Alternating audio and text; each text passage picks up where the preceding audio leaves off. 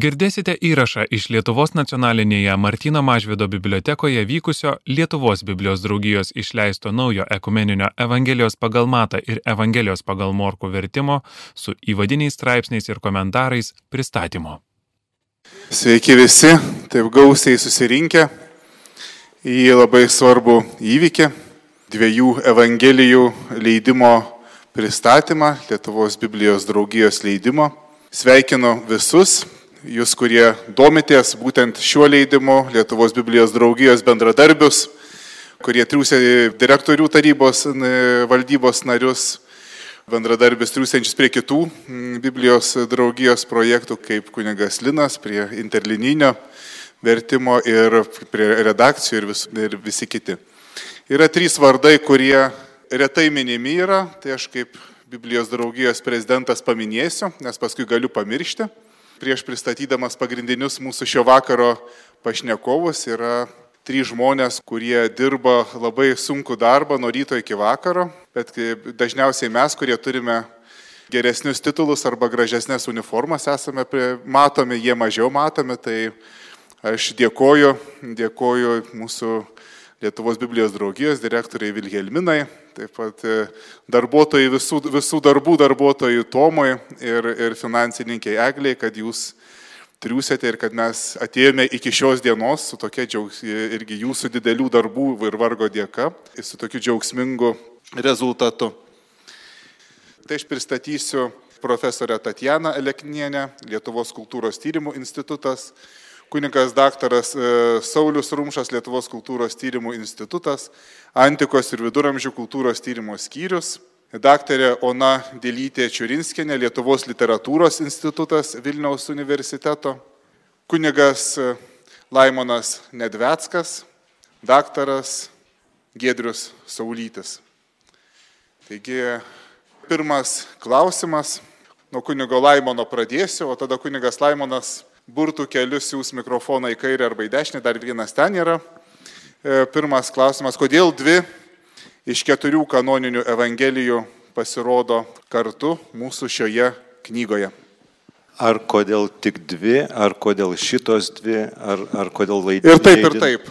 E, tai e, šventai raštą pradėjau skaityti 18, e, baigiamoji klasiai viduriniai sutikau daug puikių žmonių, na, tad lūžiai tada griūvančioje tarybų sąjungoje vyko. Jau artėjo ta griūties pabaiga, kuo toliau, tuo daugiau naujų vėjų, įvairių permainų. Na ir pradėjau skaityti šventai raštą.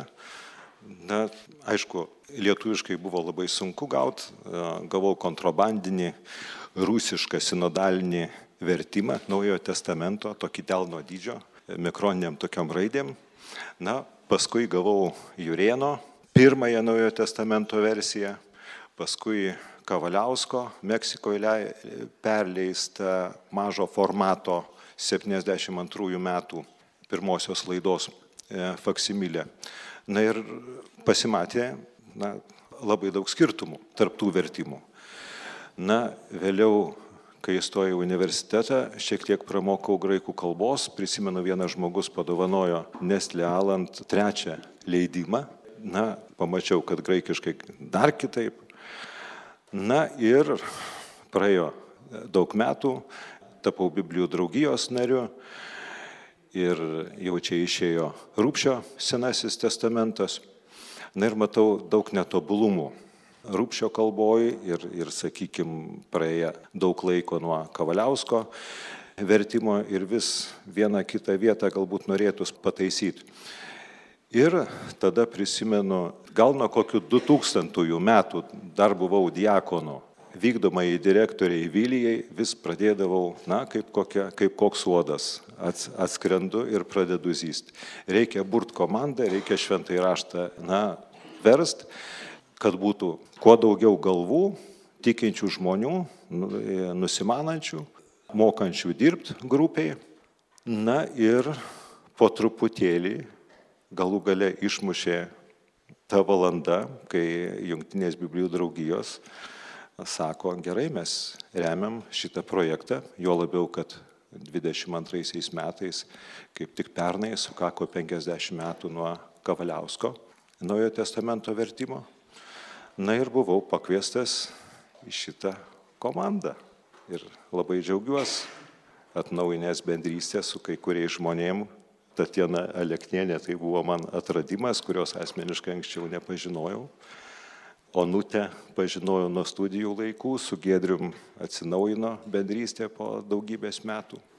Ir kadangi jungtinių Biblijų draugijų tokia na, metodika, kad šventasis raštas turi būti verčiamas dalimis, dalimis turi būti leidžiamas, Tai na, kai išverčiamas visas naujasis testamentas arba visas senasis, tada yra leidžiama visa knyga. Ir aš kiek, kiek pastebėjau, Pauliaus laiškuos labai labai daug, jau tikrai ne šimtas, ne du atliktų dar pataisymų. Tai kur kablelis, kur koks žodelis, kur koks na, veiksmažodžio laikas, gal koks sinonimas geresnis. Nieko esminio, bet na, Todėl yra Pauliaus laiškai atskirai, dabar Matas Morkus atskirai ir toliau tas darbas duos Dievas tęsis toliau. Aš galvoju, gal tik pridursiu dėl tų dviejų. Klausimas buvo, kodėl dvi. Na iš tiesų, Naujasis testamentas prasideda nuo Evangelijos pagal matą. Antroji yra Evangelija pagal Morku. Tuomet Evangelija pagal Luką. Šios trys Evangelijos biblistų vadinamos sinoptinėmis, kadangi jos turi labai daug panašumų ir artimos yra ir turiniu, nors yra ir skirtumų, yra svarstoma, galbūt matas naudojosi Morkaus jau parašytą Evangeliją, Kai kurie egzegetai mano, kad priešingai buvo. Labiausiai paplitusi teorija yra, kad e, egzistavo Jėzaus sakytiniai, e, na, tokie pamokymai, taip vadinamas šaltinis Q, kuris neišlikęs yra. Ir Morkus, ir Matas naudojosi e, būtent tuo. Bet chronologiškai šitos dvi Evangelijos tikrai labai dera kanone turiu omeny chronologiškai, ne, ne laiko prasme, ne parašymo prasme.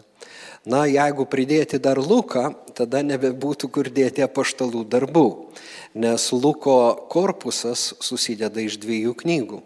Tai Evangelija pagal Luką ir apaštalų darbai. Tai gal nepaslaptis išduosiu, kad liktai ir planuojame, jeigu pavyks, jei Dievas duos jėgų, šių metų gale išleisti būtent ir Luko korpusą. Tai būtų dar dvi knygos. Tai šitos dvi natūraliai apsijungia. Na, o po to jau sektų Jono raštai. Tai yra Evangelija pagal Joną, apriškimo knyga ir laiškai trys Jono parašyti. Tiesa, Naujajam testamente dar yra trys visuotiniai laiškai, keturi netgi visuotiniai laiškai, ar trys, skaičiuokime. Pirmas, antras Petro, Jokūbo ir Judo keturi. Jo, ke, tai Jono aš paminėjau prie Jono raštų. O tuos vat, keturis laiškus taip ir nežinom, dar svarstom, ar, ar juos prijungti prie na, Luko, ar tiesiog atskirai išleist, bet jie nedidelis būtų apimties tą knygutę. Tai čia atsakant į tą klausimą. Nežinau, ar dabar tebėra internete, bet būdavo prieš kokį gerą dešimt metų toks jaunimas turėdavo challenge'as, ne, tai ten vandenį apsipildavo, ten ar dar kažkaip iššūkis koksai. Taigi, taigi čia irgi naujam vertime, aišku, bus prieimime iššūkis, kadangi mes ir, ir toksai pozityvus, kadangi mes lietuvių kalboje jau galime skaityti matą ir, ir morko ir matyti skirtumus mato ir morkos, ko anksčiau nelabai ne ir matydavom, kad vis dėlto dievo, Dievas kalba per, per skirtingus žmonės ir skirtingus rašytojus, bet ar galėtumėte iš vertimų, iš redagavimų pasakyti tokius įdomesnius dalykus, kurie, kurie verčiant yra iššūkis. Aš nekalbėsiu apie bažnyčias, mums iššūkis bus yra, na, kad ir, kad ir nevesk mūsų į pagundą. Na, mes liuteronų bažnyčiai be pagundos ne, net neįsivaizduojam, kaip reikės tą žodį pakeisti, bet dar neskubėsime, nes ir apie, ir apie tą galima pas, pasakyti, išbandymai.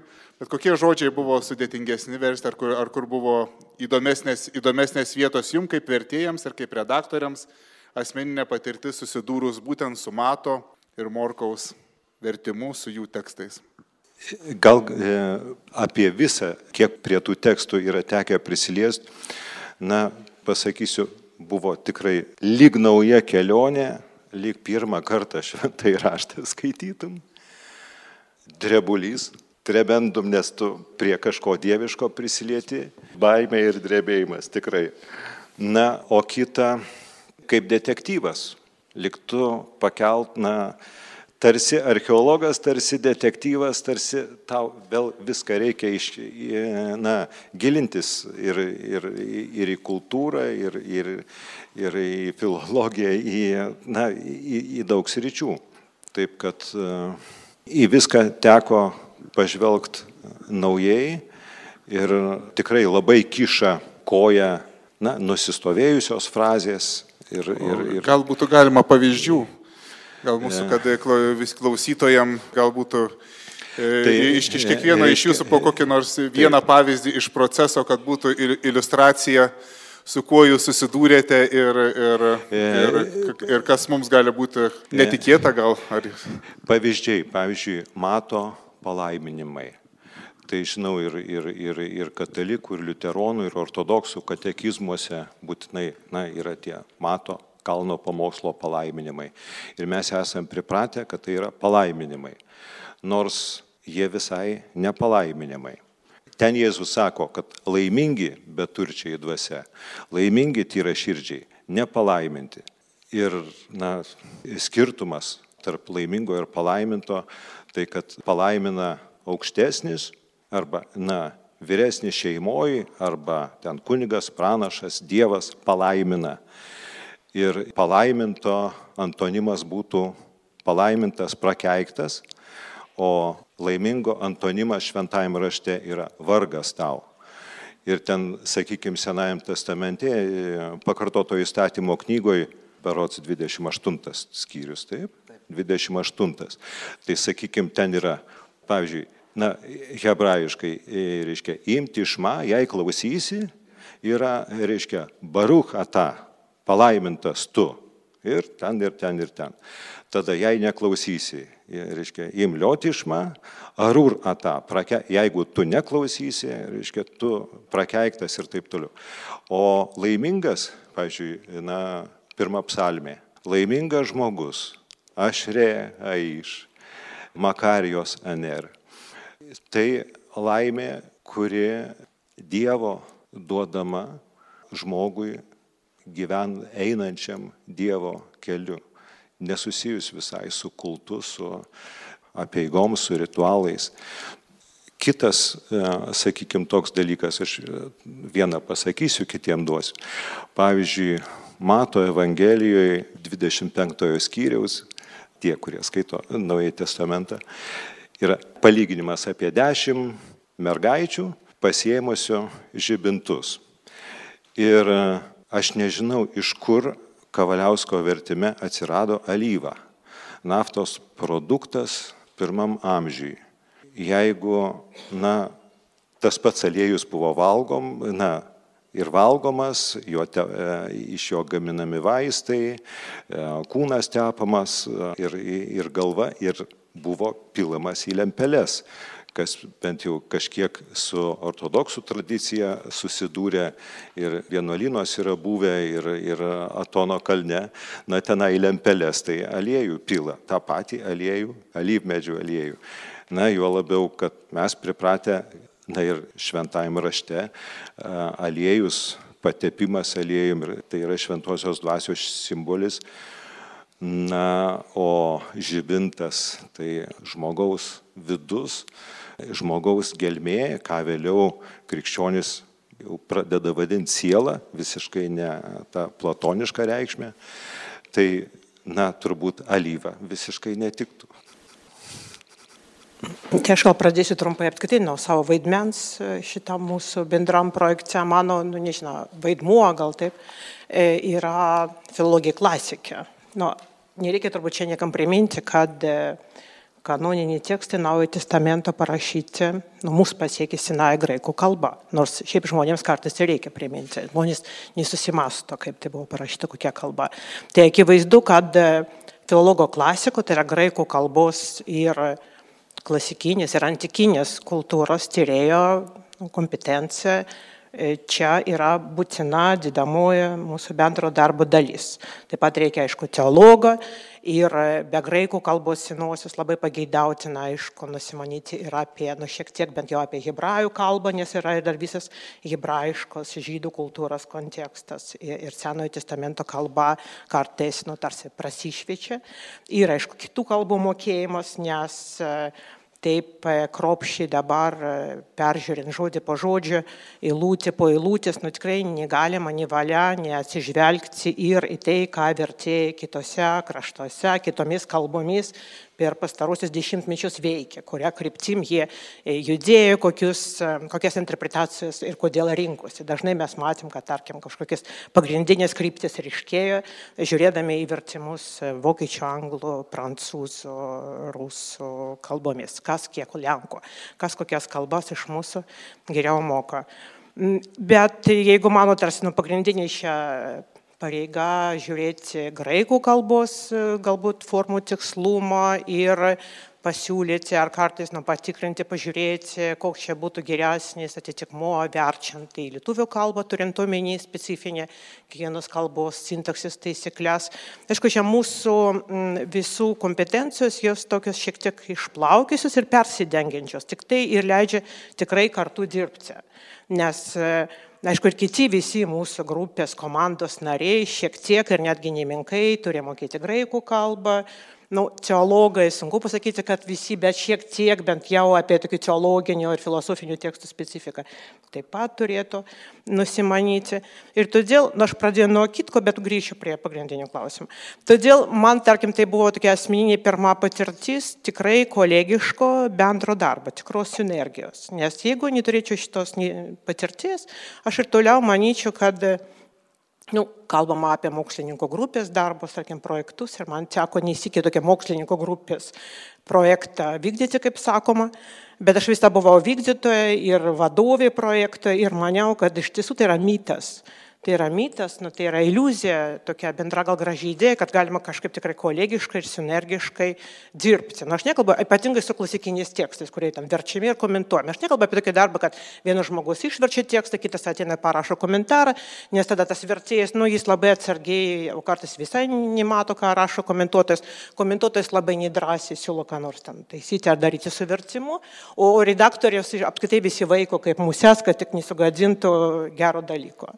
Tai va, tai va čia galėjo irgi buvo tokia gal pavojus, e, pirma mintis, kad panašiai ir bus. Vienas žmogus verčia, kitus vaiko, e, trečias rašo, bet e, visiškas stebuklas, tarkim, buvo man ir stebuklinga patirtis, kad taip neįvyko, kad čia tikrai ir, nu, jeigu aš visų pirma, tarkim, buvau čia, esu ir tikiuosi būsiu, graikų kalbos senosios konsultancija, yra lietuvių kalbos labiau specialistė, kurie, aišku, taip pat yra filologija klasikė.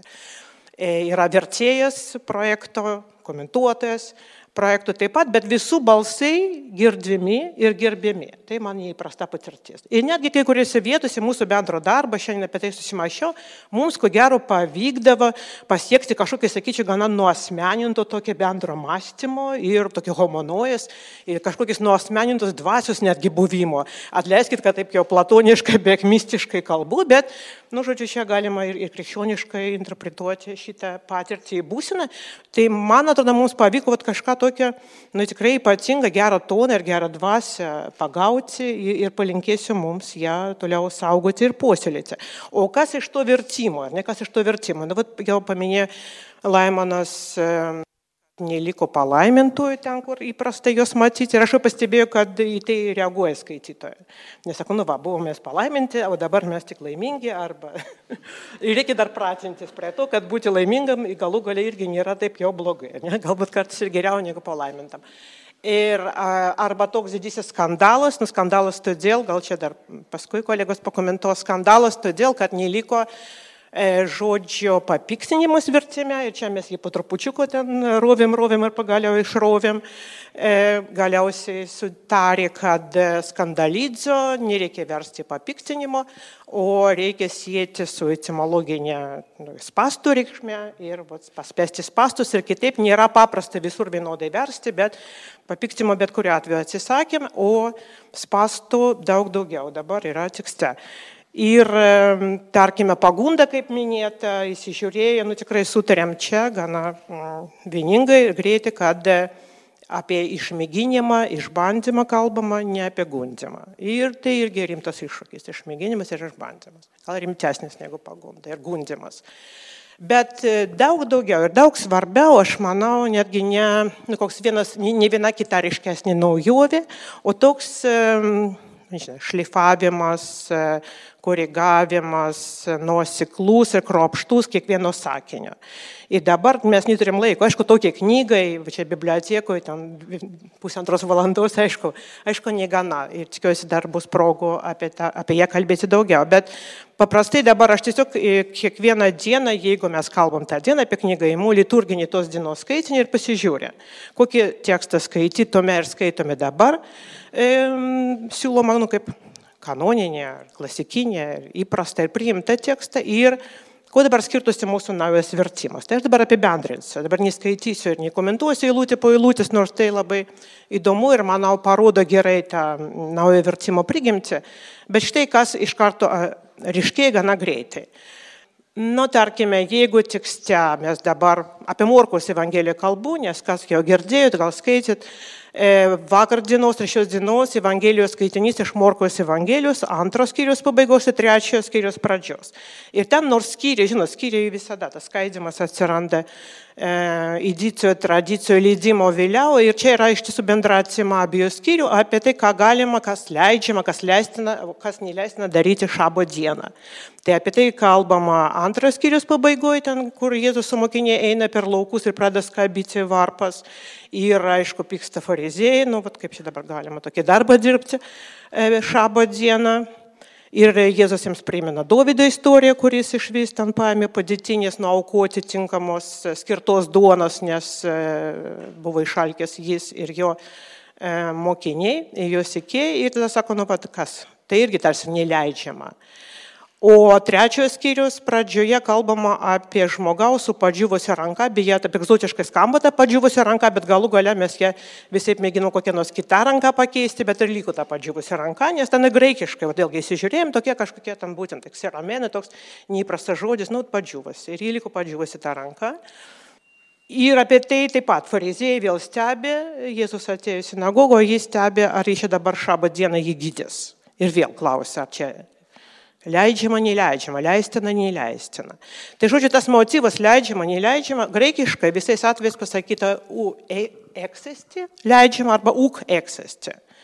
Ir dabar vertimą, jeigu mes skaitysim, kurį turim, tai mes skaitysim tai. Vieną kartą pasakyta draudžiama, uk eksesti išversta, kitą kartą čia pat, nu, keliom eilutėm žemiau, kai Jėzus atsako fariziejams, išversta e, valia, ne valia ar valia. E, toliau Trečios skyrius pradžioje, kai jau apie tą žmogų su padžiūvusią ranką kalbama pasakyta, leistina. Nu, žodžiu, mato, tai yra toks akivaizdus leitmotyvas, nu, tai yra tokia mintis, motyvas, e, kuris e, žodis skamba leidžiama, neleidžiama fariziejų lūpusi ir, ir Jėzus atsako jiems. Ir dabar, nu, galima galbūt e, vis tiek sudėti tos visus žodžius į vieną mintį, bet čia papildomas darbas, nes iš tiesų daug geriau versti nuosekliai. Visais atvejais leidžiama, neleidžiama, leidžiama ir mes pamatom tą dialogą, kurį dabar sunku išvelgti. Tai va tokį nuoseklumą labai dažnai, kiekvienam sakinyje, kiekvieno teksto atkarpoje, jeigu yra tas pats žodis, ta pati savoka, jeigu apie ją kalbama, jeigu ją autorės kaip tik nori įpinti į pasakojimą, tai šitą mes tengiamės išsaugoti, palikti, pertikti ir labai dažnai matym, kad dabar Taip nėra. Ir taip pat mes labai stengiamės atsispirti pagundai, tarkim, tekstą spalvinti ir gražinti, ten, kur viso labo pasakyta pasakė, tarė, tarkime, nu, paklausė, jeigu yra klaustukas. Tai dabar toj pačioj teksto atkarpoje, apie kurią kalbu, ten atsiranda prikaištavo, pridūrė, nu ir dar kas nors. Nu, žodžiu, nu, kažkokie pagal kontekstą įdomesnių žodžių išversta. Tai žodžių vėl čia atsirado daugiau, negu jų tekste yra. Nu, taip pat tas atsargumas, toks nuoseklumas verčiant netgi nu, su pačiu subjektu įvardymu susijęs. Tarkime, stengiamės nerašyti Jėzus, jeigu tekste pasakyta jis ir iš konteksto aišku, apie ką eina kalba, arba farizėjai. Jeigu taip pat iš konteksto mes matom, kad čia jie bus tik farizėjai. Tai tekstas toks jis nu, dažnai pasidaro tarsi paprastesnis, gal asketiškesnis, nu, bet ir toks nuoseklesnis ir kartais dramatiškesnis dėl to jis, jie. Ir galų gale ta graikų kalbos sintaksė čia nėra tokia labai gudri, man tri ypatingai mato ir Morkos Evangelijų, bet e, tie sakiniai jį leidžiasi, ar ta skiryba leidžiasi, nu, graikų originalas leidžia ją įvairiai interpretuoti. Nu, tarkim, dėti kablelį, ar mes čia pasirinksim bet, ar ir nes įsižiūrėję, todėl kad irgi skirybos ženklai tai yra leidėjų darbas, tai įsižiūrėję mes labai taip pastengėmės, nu, nenukreipdami nuo to graikiško originalo sintaksis, taip pat padaryti ir aiškesnė, nu ir gal geriau perteikiančią tą mintį visą gyją pasakojimą sintaksį. Tai ar mums parašyti per kablelį bet, ar pradėti naują sakinį, sakyti jie tylėjo. Tai galbūt daug geriau skamba negu tik bet jie tylėjo arba kažkoks sakinys nuo O, kuris prasideda. Tai yra būt toks glūdinimas kiekvieno sakinio, iš tiesų tai yra, manau, ir svarbesnis, ir didesnis darbas, ir ko gero čia svarbesnis nu, privalumas naujo vertimo, nes rasti kaip vieną žodį pakeisti kitų galima greitai, dabar pasiginčysim galbūt ir, ir nuspręsim grįžti prie kokio nors seno vertimo, jeigu jo labai truks. Tarkim, dabartinė vertimė neliko našlės katiko, o jis virtų našlės kvadrantų. Nu, tai čia irgi skandalas ir galbūt daug kas to našlės katiko pasigės ir teks jį gražinti, visko gali atsitikti. Bet va taip peržiūrėti kiekvieną sakinį, permastyti sakinių visų ir skaidimą, ryšį. Bet šitą darbą dar kartą padaryti iš tiesų e, būtų sunku, ypatingai neturint tokios nu, darnios komandos. E, Toj gedriui leisim apie skandalą pakalbėti, kuris buvo mums tikrai spastai, turbūt pats sunkiausias žodis. Aš apie tuos e, laimingus pridursiu. Senieji vertimai - išganytingi, pašlovinti, ir Hilinskis berots verčia bagoti. Kam gaila laimingų, būkim tada arba išganytingi, arba bagoti, arba pašlovinti. Kam gaila palaimintų, tikriausiai. Palaimintų. Kam, kam sunku bus e, laimę priimti. Nes iš tiesų mes galvojam, kad šventas raštas kalba tik tai apie na, dangiškus dalykus, o žemę pamiršta. Bet Evangelija yra ir apie žemę taip pat, apie gyvenimą ne tik ten, bet čia ir dabar. Tai tas, kad Jėzus sako, štai vad tokie žmonės bus laimingi ir atskleidžia jų vidinės savybės, man atrodo labai gražu. Na, o palaiminti mums jau taip labai tas krikščioniškas žargonas nebeleidžia tų prasmių pajusti. Apskritai, aš vat, klausydamas Tatjanos pagalvojau, kad šitas vertimas turėtų paskatinti uh, skaitytoją mąstyti. Ypatingai tą skaitytoją, kuris manosi žinas šventą įraštą. Na, girdėjęs bažnyčioj, na, ištraukas, o galbūt netgi, na, studijavęs kažkiek gilinėsis ir jau galvoja, kad žino. Na, bet šitas vertimas, jisai yra ir provokacija tam tikrose vietose. Nes principas jau buvo įvardintas, vertimo pagrindinis principas yra ištikimybė originaliam tekstui. Ir ne vertėjas e, patarė autoriui, o vertėjas e, nuolankiai įvykdo kaip tarnas autoriaus e, na, užgaidas arba sumanimus. Ir jeigu autorius taip kalba, jis turėjo platų pasirinkimą, bet kažkodėl toj vietoj pasirinko taip, tai nevertėjo na, reikalas taisyti na, pataisyti autorių. Tai va čia yra tas naujas dalykas ir manau labai geras, kad jis pakins, pakins, na, naujai išgirsti Evangeliją. Ir žiūrėk, gal ta Evangelija iš tiesų pasirodys esanti geroji naujiena. Dar vieną dalyką prieš skandalą paminėsiu. nes aš esu tyrinėjęs lietuviškos Biblijos istoriją, nueitą kelią, kad šito leidimo tikrai na, mūsų istorijoje naujovė yra ne tik tai va, nuoseklus, atidus, tikslus graikiško teksto perteikimas šio laikinė kalba, dabartinė, na ir norminė, bet ir, na, dabartinė kalba šio laikiniam skaitytojui. Nes net 50 metų nuo Česlovo Kavaliausko jau visgi e, mes e, gyvenam kitoj kultūroje šiandien negu gyveno Kavaliauskas prieš 50 metų. Na ir jo redaktorius Vaclovas Saliulis. Bet tikrai naujovė yra ta, ką vat Tatjana ir paminėjo, kad tai lietuviškos Biblijos istorijoje yra pirmas kolegialus darbas ekumeninės grupės, ekumeninės kolegijos. Nes e, galbūt žinote, kad pirmoji Biblija lietuvių kalba pasirodė 1590 metais. Jonas Bretkūnas atliko viso švento rašto vertimą. Bėda ta, kad tas vertimas niekuomet nebuvo atspausdintas.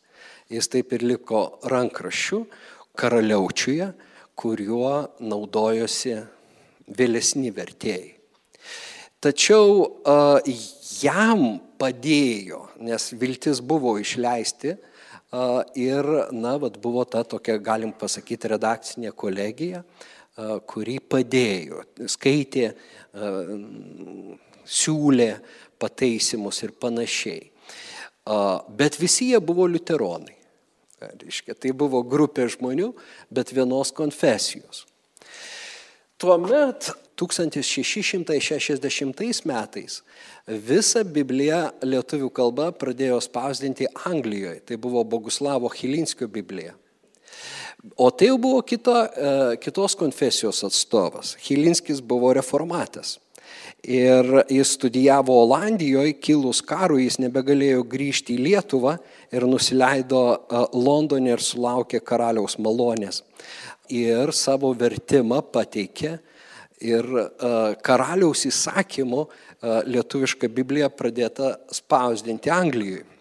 Tačiau reformatai, e, na, Lietuvoje, LDK reformatai, pamanė, kad, nu ką čia tas studenčiokas ir, ir jo vertimas, jis tikrai netinkamas ir pasiuntė savo atstovą į Angliją, kuris sugriovė, sustabdė iš tiesų tą spausdinimą ir, nu, tokios, aišku, šiek tiek liūdnos istorijos šitos yra, kad pirmasis šventasis raštas lieka rankraščių, antroji visa Biblija yra, na, sustabdoma.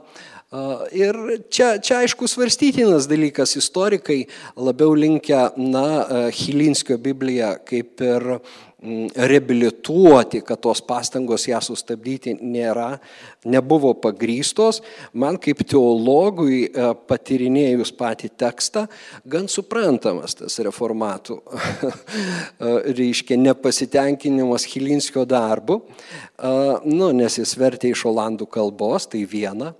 Ir, na, po to jau Samuelis Bitneris 1701 metais reformatų atstovas išleido, reiškia, kedainiuose reformatai, evangelikai reformatai išleido Naująjį testamentą.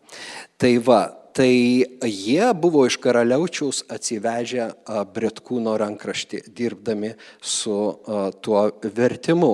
Ir šiandien jau mūsų akimis žiūrint, skaitant, pavyzdžiui, Bitnerio tekstai, jis tikrai, tikrai yra labai artimas originalui, gerai darbas atliktas, kaip, na, 18 amžiaus pati pradžia, tikrai čia buvo geras vertimas.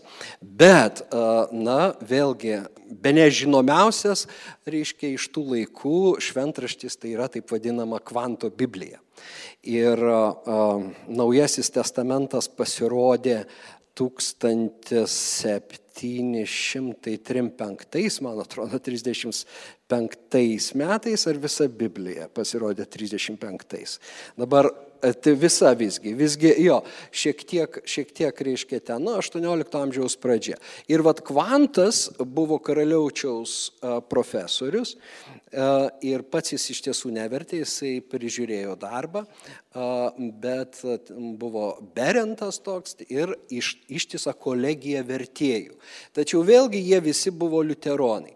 Tai vad bibliškos, ta prasme, lietuviškos Biblijos istorijoje žmonių, kurie konfesiškai priklauso skirtingoms bažnyčioms, na, va, komanda yra pirmas dalykas. Tai vaisius, kuris turi turėti kažkokį naują kvapą, naują, vat vien, vien todėl. Tai va aš kaip ir, na, pratesdamas Tatjaną, Ir aišku, mes aštrinam vienas kitą darbo metu, bet netapom priešais, netgi gal sakyčiau priešingai, gal netgi draugais. tai va, ir, na, todėl tai teikia vilties, kad na, šitas vertimas prigis mūsų tautoje. Nežinau, ar labai dar trumpai apie skandalą kažką pasakyti? Būtinai, visi. Aš tik paskaitysiu tas vietas, vat, pa, palyginimui. Nes Bretkūnas, vat, pirmasis mūsų vertėjas 1590 metais, kaip sakiau, jis užbaigė visą šventą raštą, šiaip jis 11 metų dirbo ir vertė iš hebrajų ir graikų kalbų, iš, iš originalo. Tai uh, jis išvertė uh, tą graikišką žodį skandalon uh, kaip papiktinimą. Ir skandalidzo veiksmažodį kaip piktinti, su sangraža pa, pasipiktinti. Ir praktiškai nuo jo visi vertėjai ir 20 amžiui, na, Skviriackas vis dar turėjo papiktinimą. Ir tas papiktinimas pasiekė ir Kavaliauską. Nors Kavaliausko redakcijose, kurios irgi buvo atliekamos, mes kalbam apie Kavaliauską, bet Kavaliauskas turi net kelias redakcijas ir niekas dar, pavyzdžiui, netyrinėjo na, ko jos skiriasi. Tiesa, mes turim galimybę lyginti Kavaliausko rankraštį, mes turim mašinraštį nusifotografavę, jis yra arkiviskupijos archyvose laikomas, mes jį nusifotografavom ir yra labai įdomu žiūrėti, kaip atrodė Kavaliausko e, vertimas iki redakcijos. Tai va, bet tas papiktinimas, kodėl jis, vat, ir, ir tą tendenciją aš esu pastebėjęs ir, sakykime, anglų, anglosaksų vertimuose, kad e, kažkokie sudėtingesni terminai, kurie savo reikšmės keičia atsižvelgiant į kontekstą. Va kur yra didžiausias iššūkis. Kai pavyksta nuosekliai išversti, tai yra puiku, bet didžiausias iššūkis yra tada, kai viename kontekste tas žodis turi vieną reikšmę, bet kitame kontekste tas pats žodis nebegali turėti, jis praranda tą reikšmę reikalingą ieškoti, o kokiagi čia reikšmė tiktų. Žinot, žodynai pateikia kartais iki ten 15 graikiškų reikšmių, pavyzdžiui, žodžių. Ir, ir visos jos naudojamos skirtingose kontekstuose. Tai va, bet vertėjai dažniausiai eina pramintų keliu, kadangi jau taip yra, o susigrumti su tekstu nėra taip lengva ir nu, atrasti tą naują sprendimą, pralaužti ledus būna didelis iššūkis. Na, tas e, piktinimas, papiktinimas ir e, pasiekė 20 amžių. Bet mums pradėjus dirbti, na, Tatjana atkreipė dėmesį į tai, kad žodis skandalizo neturi to pasipiktinimo reikšmės kad yra anakėjo liktai kitas žodis, kurį mes į lietuvių kalbą verčiam ir jisai yra ir Naujajame testamente, ir Evangelijose, kaip piktintis. Mokiniai, pavyzdžiui, piktinosi, kai Marija Magdalietė išlėjo brang, brangų nardo tepalą. Ir ten visai kitas žodis. O štai ten, kur skandalyco, reiškia, na, dabar mums teko tada bandyti ieškoti. Ir tai iš tiesų, kaip, kaip, kaip mūsų uh, um, kolegijos, komandos diskusijų objektu šitas skandalas, mes juokdavomės, tapo tikrų, na, skandalu. Buvo labai daug diskutuota ir, sakyčiau, kelių metų bėgyje tik tai gimė galutiniai tie sprendimai, va tiek išnešioti, pagimdyti, jie iš tiesų, na, kažkaip galiausiai tu atrandi. Koksgi variantas geriausiai išreiškia autoriaus mintį. Na, e, Pavyzdžiui, Tatjana paminėjo, aš tik tai dar pridursiu, kad reiškia etimologiškai pati žodžio kilmė prasideda nuo strypo, kuris būdavo spastuose. Tas strypas, ant kurio užmaudavo jauką, vadinosi skandale. Reiškia. Tada spastai buvo pavadinti skandalon. Na, taip pat spastai gali būti ir žabangai, jau ir be, be strypo, sakykime. Bet tokia ta yra, na, genezė, pradžia to, to žodžio. Einant laikui, na, prigijo tos perkeltinės prasmes. Ir todėl, reiškia, ta žodis įgavo tokias reikšmės - parklubdyti, parklubdyti, užgauti įskaudinti. Na aišku, žvėris, kuris patenka į pastus, jisai parklumpa, jisai yra sužeidžiamas, jis užsigauna. Reiškia, atsiranda šitie, šitos reikšmės. Bet žmonių santykiuose ateina na, įsiskaudinimo momentas. Septogintoje skandalidzo ir skandalon sutinkamos įdomio, įdomiose vietose. Pavyzdžiui, viena vieta sako, neužgausi nebilio, nepadėsi kliūties skandalon neregiui.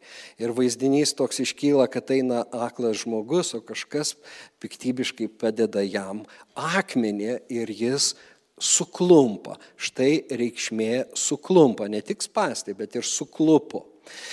O verčiant Pauliaus laiškus laiškė romiečiams, aš susidūriau su žodžiu junginiu Petratų skandalų, suklupimo uola. Ir čia yra Kristaus vienas iš įvaizdžių, nes štai dedusionė suklupimo akmenį, atsitrenkimo uolą. Ir, na, toks Jėzus tampa savo tautoj. Ir, ir į jį tarsi, vat, ta nereginti tauta atsimuša, suklumpa, uh, užsigauna. Ir, na, turint tai omeny, ir, ir, ir, ir daugiau galima būtų, bet ne, ne, neimsiu iš Senojo testamento, dabar pasižiūrėkime į tuos Naujojo testamento kelias vietas. Na pavyzdžiui, Kavaliauskas verčia, kad vargas pasauliui dėl papiktinimų. Papiktinimai neišvengiami, bet vargas tam žmogui, per kurį papiktinimas ateina. Na, aišku, apskritai, e, jeigu skaitytojas ne, nėra su šventu raštu susidūręs, tai tokios frazės papiktinimas ateina per kažką nu, labai yra miglotos. Papiktinimas atėjo per kažką. Tas papiktinimas toks personifikuojamas tarsi. Uh, reiškia, na ir papiktinimai neišvengiami, vėl kokie čia tie papiktinimai ir, ir panašiai. Dabartinis vertimas uh, yra toks. Vargas pasauliui dėl suklupimų. Na, čia mes einam tuo suklupimo keliu. Suklupimai tiesa neišvengiami, bet vargas tam žmogui, kuris pastumia kitą suklupti. Štai va jau asmeninėme lygmenyje santykių, staiga tas kažkokia papiktinimo personifikacija per kažką ateinanti, tampa labai konkrečia situacija. Na, vargas mums, kai mes kažką pastumėm ir tas žmogus suklumpa. O net galbūt jis yra neregys tą valandą, jam jis nemato, bet jokio piktybinio veiksmo negalima atlikti. Na, čia galim sakyti ir to pasityčiojimo iš kito, iš jo, pavyzdžiui, nepažinimo, kas yra būdinga išsilavinusiems žmonėms ir, ir, ir panašiai. Jokio to šiandien vadinamo trolinimo ar, ar vargas, e, na, Jėzus sako iš tiesų. Gerai, ne, ne, ne, neįsivažiuosiu. Bet, pavyzdžiui, Kavaliauskas vertė palaimintas, kas nepasipiktins manimi. O, o mes verčiame laimingas, kam nesusuklupimo priežastis. Tai va. Na ir paskutinė vieta, nes laikas e, neleidžia. Buvo, jei tavo dešinioji akis skatina tave nusidėti, išlūpk ją ir mesk šalin. Verčiau tau netekti vieno nario, negu kad visas kūnas būtų įmestas į pragarą. Ir jeigu tavo dešinioji ranka gundo tave nusidėti, nukirsk ją ir mesk šalin. Dabartinis vertimas skamba taip. Tad jei tavo dešinė akis tampa tau pastais, išlūpk ją ir mesk šalin. Na, čia jau buvo pastebėtas tas nenuseklumas, jūs gal ir net ne, man skaitant nepajutot, bet Kavaliausko vertime vat, yra netgi pirmų atvejų skandalidzo išversta skatina tave nusidėti, O antrų atveju čia, na, kitame sakinyje tas pats skandalizo išverstas gundo tave nusidėti. Skatina tave nusidėti, gundo. Kodėl dabar tokią laisvę prisiema vertėjas, na, versdamas tą patį graikišką žodį. Na, techniškai tai nenuseklu. Bet apskritai teologiškai nusidėti yra per, do, per didelį svorį turintis terminas, kad jį staiga įvesti į tekstą ten, kur jo nėra, nes apie nusidėjimą kalbama, bet ne šitoje vietoje. Tai vad, na, todėl tas atsiranda, reiškia, skandalizo šitoj vietoj, dešinė akis tampa tau spastais. Ir antrą kartą tai pasikartoja. Nu, o kai Jėzus sako Petrui, pasitrauk nuo manęs šitone, Kavaliauskės vertė, tu man papiktinimas, tai dabar e, ta mintis skamba, pasitrauk nuo manęs šitone, tu man žabangai. Tai čia galbūt tiek apie, apie skandalą. Girdėjote įrašą iš Lietuvos nacionalinėje Martino Mažvido bibliotekoje vykusio Lietuvos Biblijos draugijos išleisto naujo ekumeninio Evangelijos pagal Matą ir Evangelijos pagal Morku vertimo su įvadiniais straipsniais ir komentarais pristatymo.